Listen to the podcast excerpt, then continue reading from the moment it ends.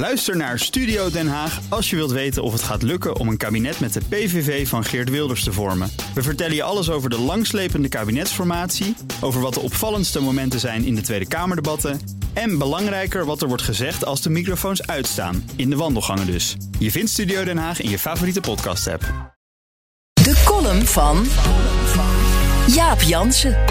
Op deze plek pleit ik er al eens voor dat Nederland een Duits kabinet zou moeten krijgen. Een kabinet met in elk geval de partijen die ook in Duitsland de regering vormen. Dus met sociaaldemocraten en groenen erbij.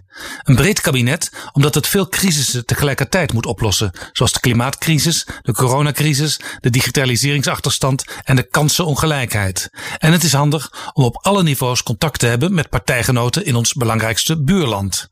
Na een trage, oneindig lange kabinetsformatie had een nieuw kabinet dan een vliegende start kunnen maken. Met, hoe noemde Mark Rutte dat afgelopen weekend ook alweer op het VVD-congres? Oh ja, nieuw elan. Maar Nederland gaat op de oude voet verder. Met een coalitie die, zeker sinds de toeslagaffaire en de pandemieuitbraak, geen enkel elan meer heeft getoond. Nieuw leiderschap, beloofde Sigrid Kaag. We krijgen meer van hetzelfde. Letterlijk zelfs. Naar verluid 30 bewindslieden in plaats van de 24 waarmee Rutte 3 begon. In het Duitse coalitieakkoord wordt Nederland maar één keer genoemd. We krijgen een standje. Het moet afgelopen zijn met het faciliteren van agressieve belastingontwijking. Duitsland richt zich, uiteraard, naar goede traditie, op Frankrijk.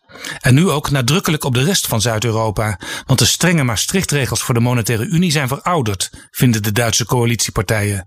Om het zuiden te helpen mag het soepeler. Hiermee verlaat Duitsland de innige samenwerking met Nederland. Samen trapten ze altijd op de rem bij al te drieste financiële plannen. De Duitse liberalen, door Rutte lang beschouwd als verzekering voor voortzetting van het zuinige beleid van Merkel, zijn van gedachten veranderd. Sterker, de liberale leider Christian Lindner gaat het beleid zelf uitvoeren als nieuwe minister van Financiën. En er is nog iets. Europa moet voorkomen dat het ten onder gaat in de strijd met landen als China, Rusland en, wie weet, over een paar jaar opnieuw het Amerika van Donald Trump.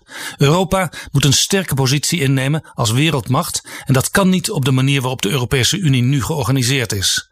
Op dit moment loopt er een, hier in Nederland nog nauwelijks opgemerkte, conferentie over de toekomst van Europa. Duitsland vult in het nieuwe akkoord alvast in wat daaruit moet komen. Een nieuw verdrag op weg naar een federaal Europa. Heuse staatsvorming zou je kunnen zeggen. Nee, geen superstaat, maar federaal, zoals de Bondsrepubliek zelf, met heldere bevoegdheden voor sterke deelstaten. Heel vroeger was dit trouwens ook het ideaal van partijen als VVD en CDA, maar leiders als Bolkestein en Buma moesten er niets van hebben. Sindsdien is het F-woord in Den Haag taboe. Alleen D66, GroenLinks en Volt durven er onvervoren voor te pleiten.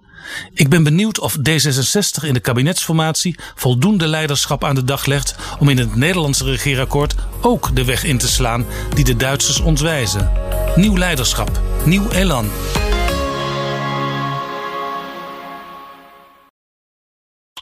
Ook Diana Matroos vind je in de BNR-app. Ja, inderdaad. Je kunt live naar mij luisteren tijdens de Big Five. Ook handig in de BNR-app. Breaking nieuwsmeldingen, maar ook het allerlaatste zakelijke nieuws. En je vindt in de app alle BNR-podcasts, waaronder Wetenschap Vandaag. Download nu de gratis BNR-app en blijf scherp.